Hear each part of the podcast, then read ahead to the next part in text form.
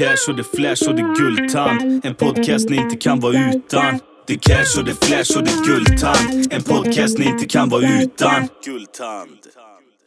Guldtands podcast. En podcast i samarbete med snack24.se. Welcome back! Welcome back to Gultans podcast. Idag ska vi på det igen, men idag ska vi ha lite ny luft under vingarna kan man säga. Idag börjar vår nya serie Brott och straff, eh, där vi kommer fokusera just på brott och straff. Så att porren och allt annat göttigt som vi har kört här innan, det kommer läggas på sidan ett tag och vi kommer rulla på några avsnitt här framöver med just brott och straff.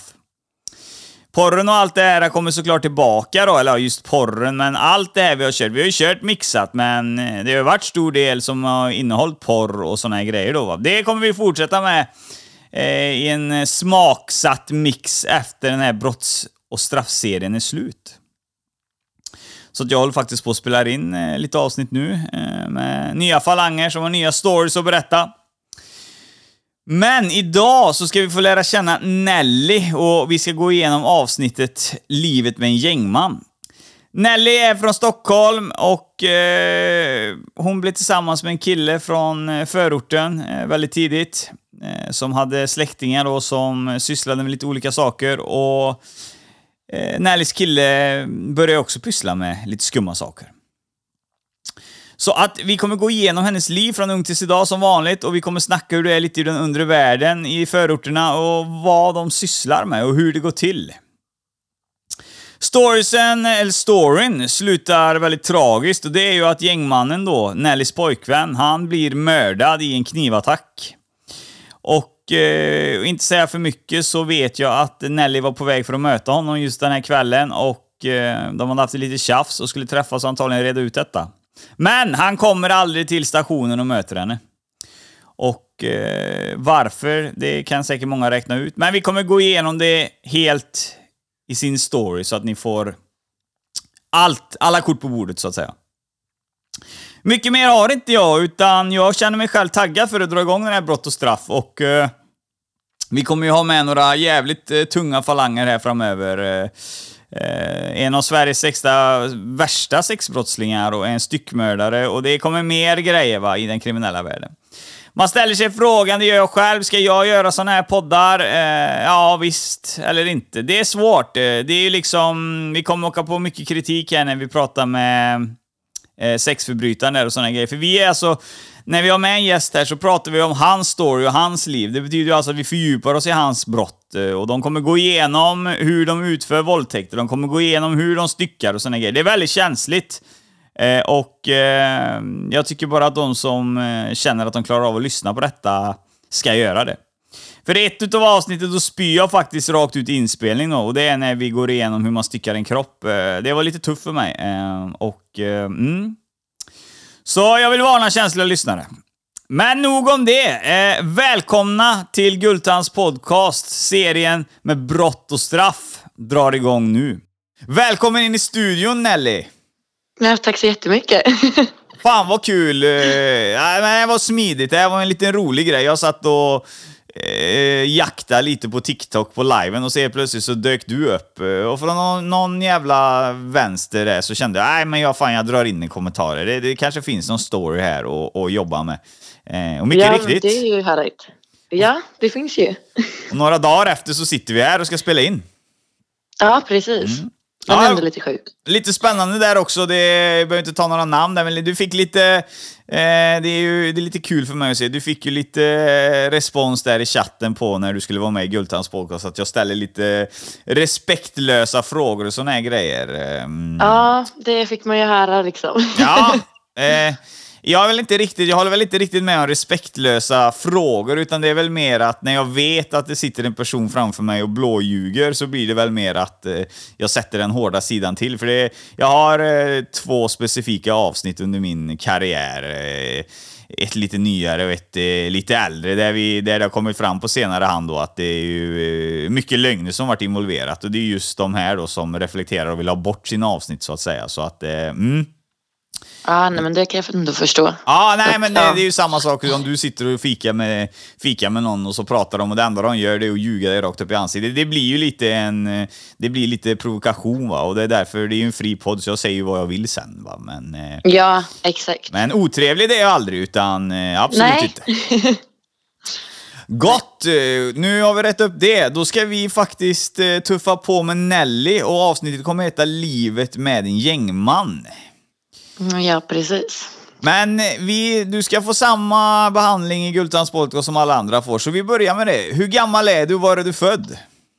Jag är 21 år och bor i Stockholm och har bott här fram och tillbaka väldigt mycket. Ja, Så att okej. jag är från Stockholm i grunden. Ja. Eh, fan, du är sparsam med dialekten ändå. Låter inte som en 08 riktigt. Mm, nej, men jag bodde i Göteborg en stund också där och så. Så att det blir lite Ja, det är att fint. jag blandar den. Ja, det är bra. Ja, det är en bra hemmaplan, Göteborg. Det är, det är nära. Ja, Nära ja, hjärtat. men precis. Mm. Eh, eh, vart... Eh, nu tappar jag tråden nästan, men vart föddes du?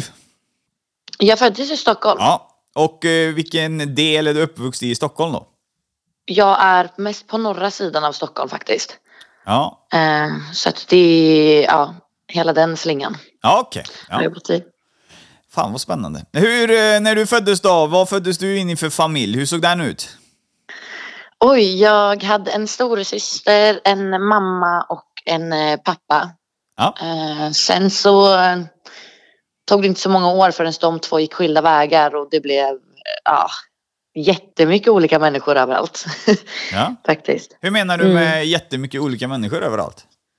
Nej, men jag fick ju låtsasföräldrar, eller vad man ska kalla det, plastföräldrar. Ja, okej. Eh, och där kom det in syskon och massa sånt och grejer. Mm. Hur kändes faktiskt. Det, oj, jag var jätteliten när det hände. Jag var liksom två år när Ja. allting liksom hände. Så det var jättelänge sedan, men det var väl spännande. Men för min hjärna blev det lite rö- rörigt där faktiskt. det? Ja, okej. Så att det var ju väl lite upp och ner. Ja, ja, ja. Eh, I Stockholm, i den norra delen, vad gör man som liten tös där innan man, eh, precis i skolåldern, när man ska börja grundskolan? Vad, vad pysslar man med? Oj, det var en jättebra fråga. Alltså, jag eh, träffade ju på massa vänner från skolan då, då och vi gjorde väl jag, vill, jag har alltid varit busig tjej. Alltid velat gå emot människor och alltid haft min egna vilja. Så att jag gick ju emot dem. Jag gjorde ju vad jag ville. Och vi träffade väl dåliga människor redan i början. Ja, vad kan man vara när vi var 12 eller något sånt där. 11-12 år. Mm. Eh, Så att eh, vi hängde med de äldre för det var coolt. Dåliga människor? Vad är dåliga människor? Ja, de som lurar in en i problem Mm. tycker jag ändå är dåliga människor. Ja, det är fett bra Som utnyttjar situationen av att man är yngre och vill hänga med de äldre. Mm. Utnyttjade de situation i det läget, vad kan det vara? Ja, Mm. att eh, de skulle göra något dumt och då drog de igen själv på det för att eh, man, ja men man, de visste mycket väl om att men hon är mycket yngre, hon kommer inte få något straff om någonting skulle hända. Ja, okej. Ja. Nej, det, det är ju rätt vanligt idag med faktiskt. De, eh, det Ja, används precis. yngre personer till mycket syften idag med Ja, straffrabatt. idag är det mycket, mycket vanligare än när jag var yngre. Ja, det är samma här. Jag är ju ändå så 35 Mm. så att eh, det var jävligt ovanligt på min tid. Men, eh, Ja, men precis. idag har de räknat ut att folk inte blir straffade då. Så att, ja. Mm, exakt. Grundskolan då, kommer du ihåg något eh, vidare där? Hur, vem var du i skolan då? Vi, jag brukar alltid fråga om ettan till trean på grundskolan, men om du inte kommer ihåg något så är det helt okej. men eh, du kanske minns någonting? Jag var, ja men jag kommer faktiskt ihåg väldigt mycket. Jag var väldigt utstött i skolan. Okej. Jag hade inte så mycket vänner. Det var väldigt mycket kommentarer mot mig. Jag blev ju alltså, ja, väldigt mobbad i min skola. Ja. Eh, ja, med alla möjliga kommentarer om hur lite jag var, hur smal jag var, att jag var smutsig i ansiktet för jag hade fräknar. Eh, alltså det var massa sånt faktiskt. Okej. Men sen i trean började ju två tjejer. Eller det var en tjej som började då. En andra tjejen gick i min klass. Och det var de jag blev vän med. Men det var även vi som gjorde massa dumma grejer tillsammans. För att vi alla var utstötta. Okej. Mm. Ehm, det är ju tragiskt eh, att det blir så. Eh, Ja, vad är, har du några exempel på vad det är för grejer ni pysslar med? Vad är det för uh, hyss ni gör, eller vad man ska säga? Nej men alltså vi var ju de som startade brandalarmen mitt i, alltså just i skolan Mm. så var vi de som startade brandalarmen, vi kastade saker på människor. Vi smygrökte redan liksom när vi var runt 10-11 år liksom. Mm. Vi eh, rymde alltid från skolan, alltså det var ju sådana små dumma saker som nästan alla har gjort ändå men vi kanske gjorde lite mer än alla andra. Ja, okej. Hur reagerade dina föräldrar på det då? Eh, ja, de var väl inte jätteglada över det. Men de förstod ju att det är någonting annat med henne som gör att hon håller på så här. Det är ju inte bara... De, de misstänkte ju att det var inte bara så jag var utan att det är någon som har påverkat mig till det. Mm. Ja, det är väl eh, högst troligt. Och det, det hade du lite äldre förebilder som eh, re, eller drog igång dig. Ja, precis. Ja. Jag ville ju vara som dem för de var ju coola. Ja, ja, jag vet. Det, alltså, det har ju alla varit. Jag var ju också så när man skulle hänga med de coola. Va? Men eh, ja, man ångrar sig eh, idag lite, gör man ju. Det, det, det finns inget till, till med det där egentligen överhuvudtaget. Alltså. Nej, precis. Eh, och det kommer vi definitivt eh, få lära oss i det här avsnittet sen. Så att, eh, ja. Vi tuffar på. Eh, ja, vi är, vi är uppe på, vi är uppe på mellanstadiet redan. Och det här, det hänt, här träffar du lite fel personer då, som du säger. Och... Eh, Eh, med fel personer så ändå så, vad, vad, kan du berätta lite mer om personerna? Alltså inte namn och sådana grejer såklart, men vad, vad pysslar de med då istället för att vara i skolan? Vad gör de? Eh, de var ju nästan aldrig i skolan själva så de, jag vet inte exakt vad de gjorde, det är ju många år sedan nu. Men det var ju det att lite små, alltså det var, började med små snatterier och sånt där som de höll på med, som jag drogs med på. Men sen så började ju redan droganvändning vid den tiden. Mm. När jag var kanske 11, vad går man i för klass då? Då går man väl i femman tror jag. Eh, då började massa sådana grejer och sen så var det ju att de skolkade och då skolkade man också. Vi stod ju mer och hängde i centrum men gjorde lite småskit på sidan av. Okej. Ehm, ja, Så som 11-åring så introduceras du för droger. ja, precis. Får man gissa på första drogen, det är röka eller? Exakt, Ja. det var det. Eh, hur tar det en sig på en 11-åring? Vad fan, eh, kan ens en sån liten kropp hantera det? Nej, alltså egentligen inte. Det är ju det som var det sjuka. För det började ju med att alla andra rökte. Mm. Alltså vanliga cigg. Och då blev det ju så här, äh, men man vill ju vara som dem. Så att då fick jag ju också tag på cigg och började röka cigg. Mm. Sen någon gång, jag kommer ihåg det här att vi skulle gå upp till en eh, skog för de skulle göra någonting. Och det är klart man följer med på det så dum som man är. Och den här ciggen luktade inte som en vanlig cigg. Nej. Och de bara, ja men ta ett bloss eller två liksom. Mm. Och det är så här, ja men mer än gärna. Man vill ju inte, jag var ju livrädd men ändå var det så här, man vill ju inte verka ocool. Så det är ju såklart man tog de här två blossen. Mm. Och jag kan säga, jag, jag kommer nästan ihåg första gången. Det är lite tomma minnen där men jag, det var en skön känsla i min kropp. Ja. Det är det som var det värsta. Att eh, jag som har jättegrov ADHD fick kontroll i min hjärna typ. Ja, okej. Så du Och det var vill, bara eh, redan efter första gången. Efter första gången. Så du, eh, det måste jag ju fråga, även om det låter dumt till de som lyssnar. Då? Man ska ju inte uppmana folk att ta droger. Va? Men, eh, Nej, nej, nej, nej. men eh, anser du att eh, Mariana kan ha en positiv inverkan på ett ADHD-beteende? Ja, Ja. det tycker jag absolut. Det kan vara en jättebra grej Ja. att göra faktiskt. Inte, eller, men jag supportar inte att man ska göra det men det hjälpte extremt mycket för min hjärna att lugna ner sig. Ja. Nej, det är du behöver inte ha något så så med någon support eller försvarstal där, utan det är liksom... eh, Nej. Världen börjar ju legalisera, alltså det är jävligt eh, många länder som har eh, legaliserat alltså, och där det är lagligt. Så att det, det, det, är lite, det råder lite olika åsikter just om Mariana då. Mm, precis. Så att eh, jag vet inte, Sverige är ju sen på bollarna så jag tror inte det kommer hit. Men jag har faktiskt eh, suttit med två stycken personer i Sverige som har eh, eh, Mariana då utskrivet på recept. Eh, medicinsk Aha. Mariana. Så att eh, det har jag sett med mina egna ögon, sådana recept. Så att det finns i Sverige. Jaha, oj. Ja, Men men det jag, visste jag faktiskt inte. jag tror, om jag inte minns fel nu, det här är ett tag sedan jag läste på hans recept, men jag tror att det var 10 gram i den burken och att de tog typ 17-1800 spänn för det. Jag har för mig att det kostar så att lösa ut det. Jag vet inte. Men jag vet 100% att det var utskrivet i Sverige i alla fall. Ja, Mm. nej men det där var ändå lite sjukt. Det visste jag faktiskt inte. Nej, så att eh, det är ju, ja, det... Men då ska det tas med att det är två amerikanare som har flyttat hit då, som har blivit svenska medborgare, men eh, haft detta på recept i USA innan. Mm, Eh, Då kan det vara lätt. precis. Ja, nej vi går Ja, vidare. exakt. Men eh, det, det, låter, eh, det låter farligt redan nu med den känslan i kroppen på första blosset. Ja, precis. Ja. Eh, hur tar det sig? Hur börj, börjar din karriär här, eller vad man ska säga? Ja, det är då allting nästan började Ja. faktiskt. Skiter du i skolan och allting nu då, eller?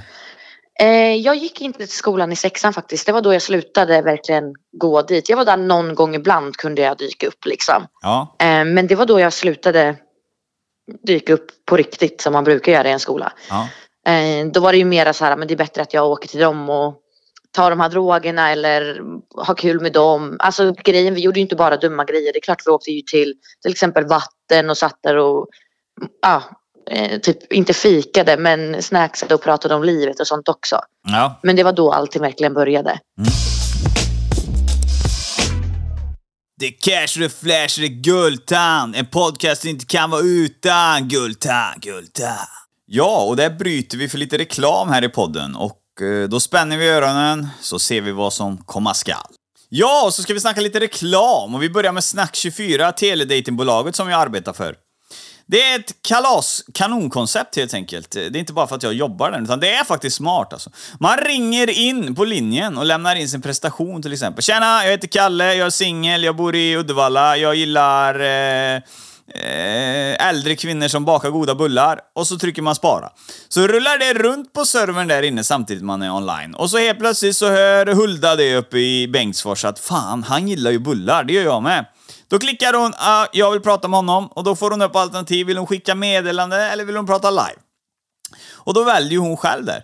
Och till slut så har vi en match då. Då eh, kan man prata med varandra och boka upp en dejt eller hur man vill göra. Så att det är helt klart värt att prova uh, om man har fastnat i de här tråkiga jävla datingapparna man bara kollar på en bild och trycker like. Det är, det är ju piss. Uh, jag kan själv tycka det efter att ha intervjuat mycket folk så lär man sig mycket av en person när man pratar med den. Man får en uppfattning mycket lättare av personen än att titta på en bild. Eh, jag har ju tittat på mycket, bilder under min poddkarriär och det är liksom, ja ah, fan vilken bra, ah, det här kommer bli svinbra, så blir det skitdåligt sen. Så att nej, det funkar skitbra på Snack 24. Och det som är det bästa av allt, det är ju det att tjejer är ju lite blyga. Eh, så vi har lagt in en funktion där att tjejer ringer in gratis så att ni kan prata i lugn och ro och prova på och såna här grejer så att eh, ni blir varma i kläderna helt enkelt. Så helt klart, sitter du där hemma ensam och inte har någon att eh, gosa med eller dela med dig av dagen, så ring inte Snack24 så kanske du har det om ett tag framöver. Om ni vill ha mer information om detta så går ni in på www.snack24.se. Nu ska vi snacka lite om Private Line, xxxprivateline.se. Så är inte adressen, utan det är bara privateline.se. Jag vill bara hetta till det lite där. Där kan du ringa in om du vill eh, förverkliga dina drömmar med telefonsex. Eh, och eh, det är ju många som vill det faktiskt. Det är väldigt populärt. Och många utav de tjejerna som har varit med i podden, de är faktiskt inne på de linjerna, så man kan prata direkt med dem då och ehm, så. Så slipper man ju skriva till mig om man får tag på dem. Utan då kan ni ringa in till Private Line så är de där inne och svävar runt. Så det är bara att koppla sig fram till den prestationen du tycker är intressant och så vips så har du ett direktsamtal. Och för mer information om detta så är det som gäller www.privateland.se alltså. Ja, och här var reklamen färdig för den här gången och jag lovar er, det kommer inget mer i det här avsnittet i alla fall. Nu kickar vi vidare! Eh, den kulturen du hänger i, jag, jag dömer ingenting, absolut inte, utan alla är bra människor enligt mig, så länge man inte gör bort sig till Ja. mig då. Men är det en, är det en eh, invandrarkultur du umgås i eller är det en svensk kultur du umgås i? Jag umgås med en väldigt blandad kultur. Alltså det är alla möjliga. Ja. Så det är svårt att säga exakt. Ja, Men det är jätteblandat. Ja, jag ska vara lite fördomsfull nu då. Jag kan vara det. det, det för du och jag, vi möts ju på en sån nivå. Så jag är lite fördomsfull. Eh, och eh, det ska du se till att förklara för mig nu att jag har fel. Men när jag, när jag snappade in på din live, när jag såg dig första gången, Ja. eh, när jag hörde dig prata, när jag såg dig gestikulera. Jag vet inte, det bara, det, bara, det bara föll på mig att jag fick för mig att den här tjejen eh, hon gillar eh, killar som är invandrare. Jag bara, jag bara fick det, det bara öste över mig liksom. Ja, alltså jag är ju en tjej som inte dras till eh, det svenska. Det gör jag inte. Nej, Så det där har du ju ändå rätt. Alltså där är ju, de fördomarna får du ju ha för det är ju rätt fördomar på ett sätt. ja, och det är jag inget fel med det. Absolut inte. till- Det, det, Nej, jag har ju haft ett sven, en svensk pojkvän Ja. eh, som jag har varit tillsammans med väldigt länge. Men ehm, det, det är ingenting som dras till mig. Han var svensk men inte sven, svenifierad om man säger det så. Mm. Han var liksom uppväxt med utländska. Ja. Eh, nej, jag, jag, bara, jag bara fick den eh, floran över eller vad fan man säger. Men jag har ju jag har intervjuat fler eh, svenska damer som också bara, eh, ja hur ska man uttrycka sig, tänder då på invandrarkillar. Och det är, det är helt eh, normalt. Eh, Alltså det är inget fel med det. Det är bara att eh, eh, jargongen över er är ungefär den är likadan alltså på, på något sätt. Jag ser mönster på just den här tjejen som jag har poddat med innan och dig. Ni, ni har lite samma drag. Jag hade sagt samma sak om henne och jag såg hennes live liksom. Ja, precis. Ja. Okej, nej men eh, då har vi rätt upp det. Då går vi vidare och det är blandat då säger du med umgänget och eh, skolan eh, hamnar ju på fall. Men vad- blir inte dina föräldrar informerade om att redan som sexan att du inte är i skolan eller? Jo, jo, jo. De blir ju informerade om allt sånt där. Men de kan ju inte göra så mycket för att jag lyssnar inte. Nej. Eh, jag går ju väldigt mycket emot dem. Och sen så är jag ju, jag blev ju inblandad i socialen rätt tidigt också. Jag kommer inte ihåg exakt vilken ålder. Men Nej. jag har ju varit inne där nästan hela mitt liv på grund av konflikter i familj och ehm, ja, lite körig liksom, barndom. Så att grejen är ju att jag stack ju alltid. Jag var ju nästan aldrig hemma ändå. Nej. Och sånt där. Och sen så var det, jag gick i en skola som var väldigt obrydd. Alltså de brydde sig inte om vi dök upp. Nej. De tyckte nästan med det var skönt att vi inte dök upp. Ja, okej. Eh, så att det underlättade men det var klart absolut. Det var inte glada miner över att man inte var där. Nej, nej, nej, nej. Det, det förstår jag. Men eh, Ja. man, man kan ändå höra mellan raderna på dig att eh, om man ser på ditt uttryck och grejer, att du är rätt vass, eh, tror jag. Alltså trampar man dig på tårna eller någonting så tror jag att du ryter till. Och det är ju samma med som ung. Vissa är ju, vissa som jag känner också, de var riktigt krigare som unga, som mot sina föräldrar och trotsa och sådana här grejer. Eh, Ja men precis. eh, så Går emot dem. Ja, eh, så att okej, nej men då förstår jag. Men nu är du 21 idag. Nej, SOS lämnar dig när du är 18 va? Precis. Ja. Då blev jag faktiskt lämnad av dem. Ja. Det var härlig känsla. Vad tycker du, en lite här mellangrej bara vi kan sticka med. Vad tycker du om SOS överlag? Jag har fått in mycket olika kommentarer om dem. Oj, eh, de var katastrof. De var hemska. Mm. Men i slutet eh, av allting så fick jag faktiskt någon som både hörde mig och inte bara hörde dem runt omkring mig utan lyssnade på mig också Mm. och började förstå min sida och ville hjälpa mig och inte bara köra bort mig från saker hit och dit och sådär liksom. Utan någon som verkligen ville att nej men nu ordnar vi upp det här Anneli. Så att eh, i början det var ju katastrof och jag hatade dem och de ville bara mitt värsta ungefär. För att sen vända på det och jag ändå fick någon som verkligen ville väl till mig. Ja. Det var ju, det var ju skönt eh, att få Ja, höra det faktiskt. positiva. För det är mycket diskussioner just nu om SOS och, och eh, placeringar på olika hem. Att det i grunden Mm. rör sig om ekonomi. Alltså det skiter, man skiter i barn, utan det är det ekonomiska som rullar i det hjulet. Exakt. Okej, nej nej men då så. Vi, fan, nu är det jag som hoppar istället. Jag brukar alltid få säga till gästen att vi inte ska hoppa, men nu är det jag som hoppar. Nej, det är spännande. Det blir så mycket spännande när du tar upp, så att eh, ja, du får ursäkta. Men, Nej, vi, men är vi är någonstans, eh, vi, är i, vi är i mellanstadiet, eh, vi är i sexan, sjuan... 11-årsåldern. 11-årsåldern, ja. Och vi har Mm. börjat röka och vi hänger med lite, lite ja, fel folk, eller ja, som har lite dåligt inflytande.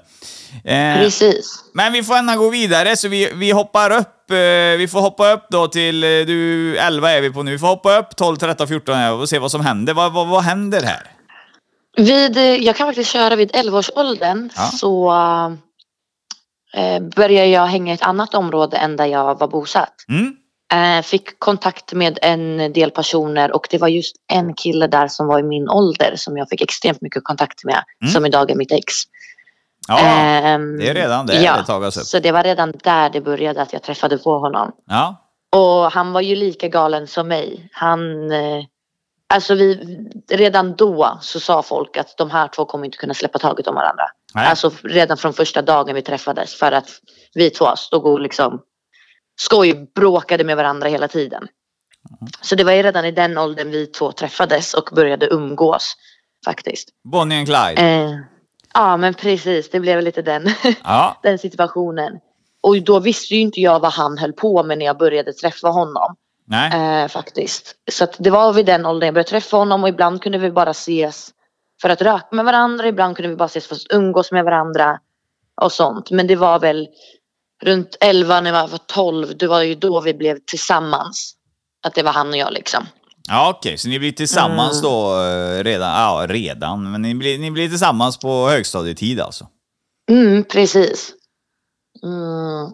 Nej, det blir Och det var till honom så- jag ja, alltid skitsamma. rymde. Ja, Ja, 11-12. Ja, det var till honom jag alltid rymde sen. För att det blev ju, han blev ju som en trygghet för mig. För han var den enda, när jag hade det lite jobbigt med vänner, familj, att som bara han som bara, det var han som lyssnade på mig och förstod mig också. mm. Så att det var en väldigt stor trygghet för mig att komma till honom faktiskt. Mm. Men eh, jag visste ju inte vad han höll på med fortfarande när vi blev tillsammans. Utan han var den här, eh, fick ett samtal och jag hörde ju att det var någon äldre kille oftast i luren. ja. Som bara, "Ah, du ska komma till den här platsen. Och så gick han ut och han bara, jag kommer hem snart. Alltså det var ju, så började det liksom. ja okej. Eh, allting och sen så fick jag ju börja träffa massa människor med honom som jag inte hade träffat tidigare. Alltså inte de jag började lära känna honom med. Nej. Eh, och de här var ju mycket, mycket äldre. Vi var vi, alltså, ja vad kan de ha varit? De var väl i alla fall, ja men vid 18-årsåldern. Mm. Ehm, och då började vi ju, han började introducera mig till dem. Mm. Eh, och ja men det var så här, ja men här är min tjej. Även om vi var små, det var så här, ja vad söta ni är. Ehm, så att ja, jag vet inte hur man ska säga sånt. Men eh, jag började bli introducerad då och började förstå vad för liv han hade blivit indragen i redan i så ung ålder. Men han bodde ju i en jätteutsatt kommun eller vad man kan säga. Ja, Där det oftast är unga människor som dras in i det. ja okej. Eh, som hamnade lite fel. Eller han, han har ju liksom kusiner och sånt som är mycket äldre än honom som har dragit in honom i det. Så Ja, det var ju inte så att han självmant gick in i det utan han är ju uppvuxen med det livet. Ja, Eh, då hans, då han, ja, han var ju som mig, hade ingen riktigt faderfigur i bilden och då var ju hans kusiner som hans pappa istället. ja.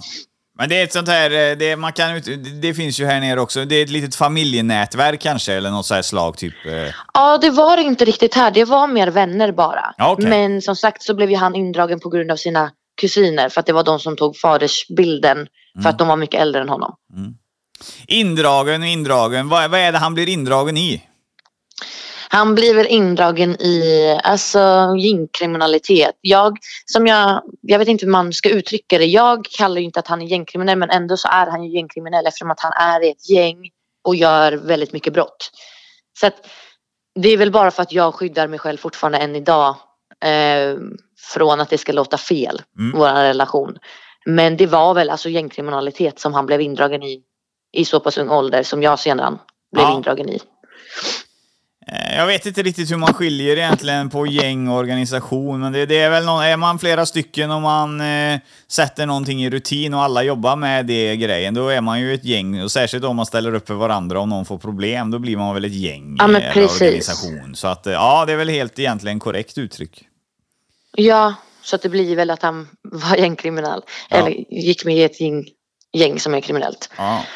Um, och så, alltså grejen är att jag tänkte ju inte på det. Jag var ju för det första väldigt ung fortfarande. Mm. Och jag, det var ju ändå lite så här, när man var yngre, sånt var ju coolt. Ja. Det är så här, sånt här har jag ju bara sett på film. Och sen fick jag ju se väldigt mycket saker som jag inte egentligen borde ses i den åldern. Liksom, jag har sett vissa vapen som jag fortfarande än idag skulle bli ärrad av att se för att de ser ju inte, det är inte roligt att se sånt. Nej. Ehm, jag har sett väldigt mycket stora mängder droger och nej men alltså massa sådana där saker Mm. som är just i sådana här gäng. Ja. Ehm, Vad är, det för, Ja. vad är det för vapen som du har sett? För du, du reflekterar väldigt över just vapendelen, men jag menar en pistol ser ut som en pistol, en kalasjnikov ser ut som en Men precis, kalasjnikov. jag vet, inte, jag vet faktiskt inte vad den här heter och jag har aldrig frågat om egentligen vad det här heter. Nej. Men jag, det är någonting med Spider, jag har ingen aning helt ärligt. Men den är liksom, den är lite större än en pistol. Mm, Och den har ett stort magasin. mm. Som sagt, jag är inte jättevapenkunnig. Jag, det där la jag mig absolut inte i för att Det vapen är någonting en... jag verkligen varit rädd för. eh, Det låter som en Scorpio, låter det som. Ja men det kan det säkert vara. Något sånt. Som sagt, jag vill inte säga ja men det var det. Nej. Att Jag vet ju inte. Men de är väldigt, eh, de är väldigt, just Scorpio och de här, de är väldigt kända just eh, eh, i förorterna. Alltså, eh, det, det, det, det används många Scorpio i, i deras, när, de, när man ser runt om på polisens undersökningar, när de visar då. Så att jag tror att eh, eh, det är väl eh, Scorpio som finns i, i Balkanländerna. För det är vapnen som kommer hit, de kommer ju inte från Sverige, det är inte tillverkat här, utan de kommer från andra Nej, länder. precis. Så att, eh, ja, nej, nej, nej, spännande. Mm. Ja, så det var ju massa sånt jag fick se i början av det och då, då började jag ändå förstå vad det var som han var inne i. Ja. Men jag ville ändå inte förstå för att det var ju så här. Det är ju min första kärlek, jag älskade ju honom och jag var så här, jag kommer göra allt oavsett vad han gör. Mm. Så kommer jag fortfarande, jag var som hans lilla kyckling liksom. Ja. Allting han gjorde gjorde jag också. Vad, Jag var liksom som en minikopia. eh, när du ser de här vapnen, droger och så grejer. Vad är det för miljöer? Alltså det är lite blandat. Ibland var det så här källare eller du vet förråd längst ner i lägenhetshus. Ja. Kunde det vara sådana. Eh, det var någon gång så var det i någon slags lägenhet men den var ju mörk. Allting var neddraget. Alltså, och det, det luktade ju inte gott i Nej. lägenheten till exempel. Det var, alltså den här lukten var ju, nej det var inte så här något gott att lukta på. Så det var ju lite olika på det sättet men det är oftast källar, liknande grejer eller den här lägenheten. Det är Ja, just en specifik lägenhet liksom jag kommer ihåg som mest. ja okej. Mm. Eh, du, på den, visste du om det då, eller var, var det typ en hyrd lägenhet som de bara hade lager i då till exempel? Alltså det var ju liksom soffor i lägenheten. Jag tror inte, nej det var ingen säng riktigt men det var, det var väl ett ställe de umgicks på eller hade som ett ställe de möttes upp på. Ja, knytplats. Eh, och där de hade, det låg ju saker överallt liksom i den lägenheten så det var väl mer så bara ett, som ett lager ungefär. Hur fick det dig att känna dig då när du såg detta? För på den tiden så kan du ju omöjligt vara medveten om eh, vad det innebär egentligen, riktigt 100%. Men eh, det är ju en rätt, inte då för dig då, men det är ju en rätt hög straffskala eh, för de brotten som begås just i lägenheten där. Ja, alltså grejen är, jag stod ju väldigt mycket och gömde mig bakom honom. Ja. För att det var ju en, alltså jag har ju sett filmer med sånt här. Det Ja. här var ju liksom inte en verklighet som jag hade sett. Jag förstod ju inte riktigt att det var, oj det här är verklighet på riktigt. När man kollar på filmerna. Eh, så att det var väl lite så här, vad händer nu? Ehm, så det var väl lite mer en rädsla av att vara där. Och sen så var ju de här, de var ju jättetrevliga allihopa Ja. mot mig. Det var inte så att de var taskiga eller sånt där. Men det var väldigt noga med att du säger inte vart du är. Du är tyst, ge oss telefonen. Ehm, så att inte jag skulle kunna antagligen spela in någonting antar jag. Alltså har jag ju förstått i efterhand liksom. Ja. Så att om jag var i lägenheten då var det direkt att vi möttes vid en dörr. eh, Eller vid dörren så mötte någon oss och tog liksom eh, mobilen och sånt. Mm. Så att det, nej, jag var lite, det var lite läskigt. Det ska jag inte ljuga om. Det är Ja. ingenting. Idag, jag tror fortfarande, även om jag är 21 och har varit i det så, så skulle jag ju inte vilja gå tillbaka till de lägenheterna. Eller den lägenheten eller de källarförvaringarna, förråden eller vad man ska säga. Nej. Eh, din pojkväns huvudsyssla då, vad tror du att den var? Var den att, att sälja eller vad, vad, vad tror du? Det var väldigt mycket att sälja. Ja. Men han kunde absolut... Ibland kunde det vara så att ah, men jag ska iväg i några dagar. Oftast så sa inte han alltid vad han skulle på grund utav att hur mindre jag vet desto mindre kan folk lägga på mig. Ifall det skulle hända någonting att de, någon skulle göra någonting mot mig som det senare händer också. Mm. Så vet inte jag någonting och de kan inte göra riktigt någonting mot mig. Så att ibland kunde han säga liksom, ah, men jag ska iväg i tre, fyra dagar, ibland fem. Och lösa lite grejer. Så kom jag hem sen. Mm. Och vad exakt han gjorde då, det vet jag fortfarande inte än idag. Och det tror jag inte jag heller jag vill veta. Men det var oftast att han sålde. Faktiskt. Åkte till olika platser och sålde. Jag var med honom vissa gånger också när han eller väldigt många gånger när han gjorde det. Jag höll ju väldigt mycket saker åt honom. För att där kommer en liten oskyldig tjej liksom. Vem skulle, skulle polisen ta henne? Nej, det skulle de ju inte. Nej. Eh, Vad, var det, vad var det för droger ni hanterade? Eh, det var oftast, ska man säga kokain eller Ja, jag säger ofta sladd till det. Men det är ju kokain, marijuana. Det, alltså det, var, alltså det var det mesta. Det var väldigt mycket tabletter också. Mm. Eh, benzo och tram. Så att det var väl mer sådana grejer. Ja, Det var väldigt blandat. Det är en eh, gott och blandat eh, försäljning. De kör Exakt. helt... Ja. Mm, mm. Mm, och sen det var ju absolut från period till period. Ibland var det mer efterfrågan på någonting och ibland var det torka på någonting. Så att det Mm. var ju lite periodsvis Ja. eh, också. ja, ja, absolut. Det är ju säsongsbetonat, eller vad man ska säga i den Ja branschen. men precis. Ja, jag vet. så är det ju. Ja. Äh, men eh, eh, då, då var det det klassiska då som jag också ser på filmer, eller ni stod där på något torg eller det kommer någon tjomme från höger och man petar över en liten påse och, och så är det klart, eller vad, hur? hur? Ja, alltså det kunde vara så i vissa fall. Men i vissa fall var det liksom att ja, du ska ta den här platsen så här mycket. Mm. Och så gick man till den platsen. Man mötte upp de personerna. Gav över det och sen så fick man en ny plats att gå till eller åka till.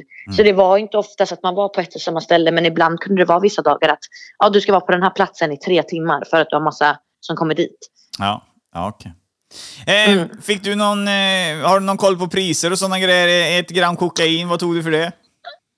Eh, det är ju oftast 800. 800? Det är ju inte, eller eh, eh, nej, alltså det är ju inte en, alltså en, en gubbe som man kallar det. Ja, Det är ju oftast 0,8 tror jag det är. Eh, och då är det väl, ja men det är 800 till 1000 kronor beroende på ja hur bra okej. det var. Brukade vi säga. eh, men Det är det är alltså oftast så. 100 spänn för 0,1 gram då i snitt blir det ju.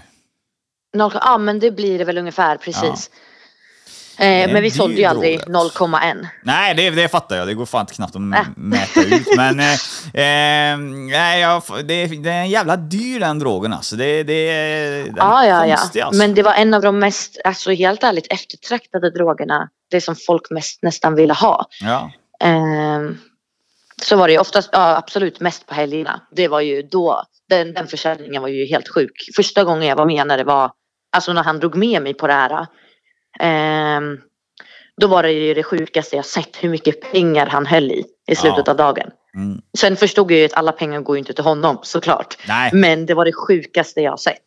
Och det, det blir ju tyvärr för, för en tjej som inte är uppväxt med kanske världens bästa ekonomi blev det ju ett sug för mig att vilja gå in i det.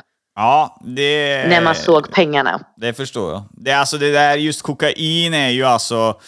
Eh, jag har följt mycket dokumentärer och är väldigt påläst just för just den drogen. Alltså, vi snackar alltså ett sånt, eh, alltså ett kilo rent sånt kostar från start tror jag där borta på den sidan. Jag tror det är tusen spänn alltså. Eh, tusen spänn för ett kilo. Alltså, det går ju över hela världen alltså. Det, det, är, det är en otrolig marknad alltså. Ja, ja, ja, det är verkligen en sjuk marknad just med kokain. Mm. Det är... Nej, nej, det är inget som jag himla... Jag har provat det, det alltså eh, x antal gånger va, men eh, med tanke på att jag är nykterist så jag dricker ju in alkohol. Eh. Så att eh, den karriären när jag skulle prova det för många herrans år sedan, det, det funkar inte. För all, alla säger det att eh, drogen funkar bäst ihop med alkohol.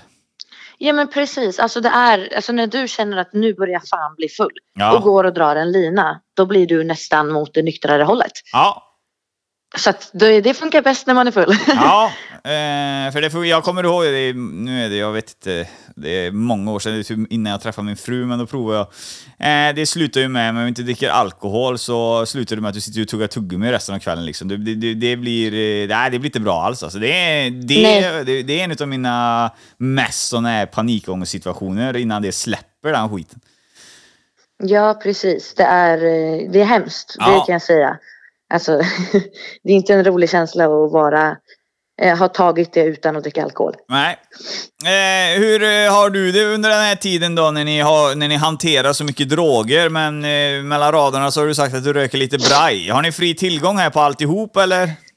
Eh, det var väldigt mycket att vi bara rökte men sen så började vi, eftersom det blev en stressad situation för både honom och mig eh, så blev det väldigt mycket tram inblandat. Ja, Så att vi rökte och tog tram.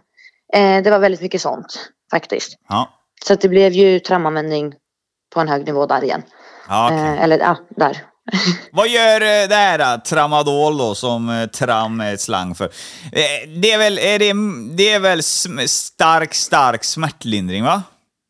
Ja, det är väl typ som en smärtlindring. Eh, så. Eh, jag är jätte, inte faktiskt jätteläst, påläst om alla droger men det var väl en skön känsla. Det är väl nästan, alltså hur ska jag förklara? Man blev väl avslappnad mera. Ja, okej. Det var som en smärtlindring liksom fast väldigt starkt då. då. Så det, det du säger är ju rätt. Men Nej, Innehåller det den benzo eller? Vad sa du? Innehåller tramadol benzo, vet du det eller? Det tror jag inte. Nej, det är, ju två, det är två olika preparat. Ja, okej. Om jag inte är helt ute och cyklar. För benzo ska ju, vara, vara, ska ju vara muskelavslappnande vad jag har hört. Så det, för det har jag ju sett folk som Ja. har tagit va? De sitter ju som... Det, det är ju faktiskt någonting jag eh, i dagsläget har utskrivet, benzo alltså. Ja, okej. Eh, men det har jag utskrivet från läkaren så därav, den kan jag lite bättre. Ja.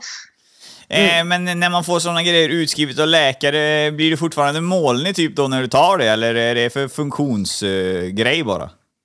Eh, jag tar ju bara det en vecka i månaden så för mig det, det är inte så stor påverkan men sen så är jag också den att jag efter allt det här som har hänt i min barndom och så vidare så vill jag helst inte stoppa i mig sånt här. Så jag undviker ju att ta den men jag blir ju att jag skakar till av den lite grann i min kropp och jag blir lite allmänt borta i huvudet tyvärr. Eh, men det kan ju ha andra påverkan på grund av att min kropp är ju ärrad från tidigare droganvändning. Mm. Så att man kan ju reagera lite speciellt på den då. Mm, mm, mm. Eh, anser du dig själv som eh, att du var en riktig drogare här under den här tiden som ni började dra? Nej, Nej. det anser jag mig absolut inte som. Eh, det var väl mer för mig blev det väl mer att han gjorde det, då gjorde jag det. Mm, mm. Och det är därav jag tror att jag inte är så kunnig inom just vad han egentligen gjorde. För att det var mer så här, "Ah, men han gör det, då gör jag också det. Ja, okej. Eh, alltså, ja, som sagt, jag var som en liten kyckling Ja. efter honom. Ja, Allt han gjorde, gjorde jag. Ja, okej. Men jag tänker, alltså vi är ju åldrar här som är helt eh, magiska alltså. Ni är ju fan inte gamla alltså. Eh, men, men, precis. men när man pratar med er nu så låter det precis som att eh, Ja, nej, nej, han skulle dra iväg tre dagar och sen är det, det låter precis som ni är gifta och bor i ett hus typ och nu sticker Mm. Ja, han men iväg. precis. Ja. Nej, men det var väl när han började dra iväg och allt sånt där, då var vi kanske 14. Så att där har vi liksom hoppat lite från. Så i början var det bara lite försäljning hit och dit och sådär. Mm. Ehm, men sen hoppade man ju över och blev ja, men till 14-årsåldern. Det var väl då han började dra iväg Mm. mera. För att de drar ju inte in alldeles för unga människor i det på riktigt. Men eftersom att det var vissa av hans kusiner som har med det att göra så blev det ju såklart att de drog med honom lite tidigare. För att de ville ju så honom ha en karriär inom det här eftersom de själva hade det. Mm. Det här var ju det enda de visste. Ja, det är, det är klart. Det är helt klart. Mm. Eh, Så att, ja. Eh, Jag tänker på din sida då av familjen, eh, mor och far och alla extra Mm. som kom in där. Märker de någonting av din livsstil och skolan och här grejer? Alltså skolan märks ju men jag tror inte, alltså här har jag väldigt mycket minnesluckor. Alltså från typ 13-årsåldern upp till 17-18-årsåldern har jag väldigt grova minnesluckor. Antagligen vad läkarna tror på grund av droganvändning, på grund av stress och Mm. depression. Men eh, jag kommer ihåg att familjesituationen var inte bra. Jag hade inte kontakt med min mamma. Sen hade jag inte kontakt Alltså jag hade inte kontakt med familjen typ alls. Jag var väldigt mycket med SOS. Jag bodde hos vänner. Jag bodde hos honom. Eh, så att det var ju inte någon större kontakt med dem. Och det är klart att de spammade ju min lur ibland. Men jag stängde av den. Ja, okej. Ja, ja, ja. Jag försvann ju liksom från situationen. Men, men eh, läste jag rätt där mellan raderna eller hörde fel? Eh, Var du fortfarande i skolan på en sån nivå att det inte störde din närvaro eller vadå? Nej, nej, nej. Jag hade ju slutat gå till skolan. Ja, okej. Tutt alltså. Men eh, skolan, de, börj- de gav väl till slut upp på det. Mm. de orkar ju inte fortsätta hålla på och skicka varje dag liksom att hon är inte i skolan och allt sånt där. Och det var ju möten i skolan, vi var ju på möten och allt sånt. Men det förbättrades ju inte för att jag ville ju inte vara där. Nej. Så att jag struntade ju i det ändå. Ja, och där kommer ju SOS som ett brev på posten. Ja, exakt. De var ju redan inne i det, i, alltså inblandade i det. Ja, Så att då blev det så här, ja. För det är ju lag i Sverige att man måste gå grundskolan, annars kommer ju myndigheter bli involverade typ. ja, exakt. Ja. Och eftersom de redan var inblandade var det ju så här att ja, det var inte så stor grej för mig kände jag. Nej. Att ja, vad socialen ska de lägga sig i nu också? Ja, nej men jag bryr mig inte. Eh, Ja, det har du. Ja, du, var ju, du har ju redan satt ditt vad du ska göra typ. Ja, precis. Jag hade ju mitt mål i livet liksom, tyvärr att säga det. Men Eh, Jag tänker på, jag är lite nyfiken, vi går tillbaka till ert förhållande där. Eh, Det diskuteras mycket om eh, gängmän och såna här grejer, hur de behandlar tjejer och så vidare. Fast eh, jag hör redan mellan raderna här att det är inte riktigt fallet här, för att du kommer ju in, ni träffas ju och blir kära på ett annat sätt, så att eh, du kommer ju inte in i någon, vi säger att det är en gängman som, gäng som är ute på krogen och så dejtar han någon tjej. Där är mycket diskussioner om vad eh, de, eh, behandlingen av kvinnor. Hur känner du att eh, din eh, ja, gängman, kille, det var svår den frågan, behandlar dig? Antagligen bra då. ja, alltså han, det ska jag säga, jag är så tacksam över vår relation för han visade mig vad riktig kärlek var även om det var lite kaos ibland. Så visade han mig vad äkta kärlek var. Ja. Han verkligen var den som oavsett vad fanns för mig i alla lägen. Killen som liksom kramade om mig verkligen när jag behövde den här extra kramen. Han som liksom offrade nästan allt för mig. Det är ju, där har vi liksom, han har ju bildat min bild på hur kärlek ska vara. Mm. Så att han var ju inte hemsk mot mig på något sätt. Nej. Eh, så, så han, nej, det ska jag inte säga att han var. Nej. Absolut att han försvann väldigt mycket och så ibland. Mm. Men det var ju liksom, det gick ju att leva med. Mm. Men det skapar ingen osäkerhet eh, hos dig att han var hos andra kvinnor eller sådana grejer. För du måste ju ha sett det, när du sitter på de här festerna och grejer, så är det ju många sådana tjejer på just sådana fester som tycker det här livet är coolt. Eh, Och det är väl där man... Ja men vi var inte på så mycket eh, festgrejer och så. Ehm, faktiskt eftersom vi båda var fortfarande väldigt unga. Mm. Och absolut att det blir ju sånt. Men han vill ju inte, det är ju det som är grejen. Jag mötte ju på hans vänner då och då men han vill ju aldrig dra med mig till sådana där grejer. Nej, okej. För att eh, han såg väl det också lite grann som att, ja men tänk om jag tar med henne dit och så gör de någonting mot henne, vad ska jag göra då? Det är väl en sån känsla liksom. Ja, Eh, men där, där bevisar han ju också sin eh, äkta kärlek till dig som inte gör det. För att eh, jag tror det där är rätt vanligt ser du i de, eh, i de eh, i de kulturerna, alltså inte kultur, men jag menar gängkultur, ja gängkulturen. Eh, Jag tror det är rätt vanligt att eh, de som bestämmer, som är högst upp, de gör lite som de vill. eh, Och det då... Ja, precis. Då- Och det var det han var rädd för. Han vill inte att jag ska bli utsatt för någonting. Och för han kommer ju inte kunna göra någonting. Vi säger att ja, men det skulle vara så att någon av dem gjorde någonting mot mig. Vad ska han göra då? Ja, Det är så här, han kan ju inte göra någonting för då är det ju han som får saker på sig också. Så att det var så här, nej. Sånt där gör inte vi. nej. Eh, och eh, eh, det känner väl jag också att eh, det gjorde han ju helt korrekt. För det finns ju faktiskt Ja. eh, en risk. Så att, eh, ja, imponerande, imponerande. Mm, faktiskt. Ja, Okej, vi tuffar på. Alltså, vi kan börja med det. Hur länge, ni träffas när ni är 11-12, hur länge håller ert förhållande? Eh, vi är ju väldigt mycket fram och tillbaka under, från när vi var 15 tills då han går bort 2017. Mm. Eh, alltså som 16-åring. Då är vi, då kan jag faktiskt erkänna, då var vi väldigt mycket fram och tillbaka. För att jag började få en egen vilja. Så att vi gjorde ju slut och var tillsammans, vi gjorde slut och var tillsammans. Men om man egentligen säger utan de där hoppen så var vi ju liksom tills 16 års ålder. Mm. Eh, I december där när han gick bort. Men jag räknade ju som, det låter jättehemskt att säga, men när han gick bort då var han, vi var ju fortfarande tillsammans. Han var ju fortfarande min kille. Mm. Och jag sa ju det till alla i min närhet. Att nej men jag ska, eller det, det- jag har kille. Och de bara nej men det har du inte alls det. Jag bara jo jag har kille. De bara men vart är han då? Ja men han är tyvärr blivit mördad. Men jag har fortfarande kille. Så efter ett halvår efter att han hade gjort bort gick jag faktiskt till minnesplatsen och tog, för, alltså, tog farväl väl av honom. Eller vad man säger. Mm. Och sa det att vi måste göra slut. Ja, okej. Så att vi höll ju väldigt många år. Vad blir det? Fyra, fem år nästan. Ja. Det, det är Med lite länge. uppgångar och nedgångar såklart. Alltså alla har ju så i relationer. Ja, det spelar ingen roll om det är den åldern inte. Det är ju upp och nedgångar i, Ja, men i allas precis. liv, alltså. Ja, exakt. Och det tror jag är viktigt, för att det, det är då man vädrar känslor fram och tillbaka. Så att det, det tror jag är bra med upp och nedgångar. Ja, ja, ja, ja, man ska ha det för att det ska vara en bra relation. Allting kan inte alltid vara bra. Nej. Där bryter vi avsnittet med Nelly och livet med en gängman. Vi har kommit en bra bit in och eh, jag tycker det är jävligt intressant, det är spännande och eh, det som jag tycker mest intressant är alla kommentarer som jag fick innan att bara för att hon hade lite läppar och lite svank och bröst och sådana grejer så trodde de såklart att vi skulle prata om porr. Men icke sa Nicke, man ska inte döma någon i förhand, utan eh, nej, fy fan. Det här är ett eh, bra avsnitt och det kan vi lära oss mycket av. Eh, och eh, nu får ni också en inblick, ni som sitter hemma i sofforna på eh, fredagskvällarna och tittar på nyheterna på TV4, att eh, så här går det till. Det tar de inte alltid med, utan eh, här får vi svart på vitt i Guldtands podcast och det är jävligt gött.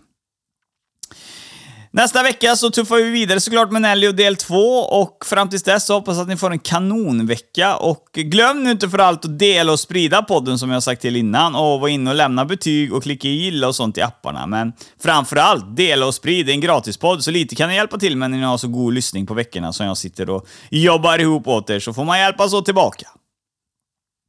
Vi finns också på Instagram som ni vet, ett Gultans podcast och reservkontot ett Gultans podcast 1. Det är bara in och följa där. Samma på Facebook, Gultans podcast. Där har vi inte lika bra tryck, utan det är Instagram och sånt här som har hjälpt oss mest. Men in och följ Facebook-sidan också såklart.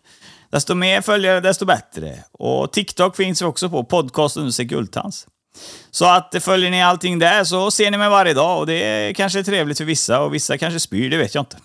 Skitsamma, vi syns nästa vecka. Ha det bäst, tjena! Gultans podcast, en podcast i samarbete med snack24.se. Guldtand. Guldtand. Det är cash och det är flash och det är guldtand. En podcast ni inte kan vara utan. Det är cash och det är flash och det är guldtand. En podcast ni inte kan vara utan. Guldtand.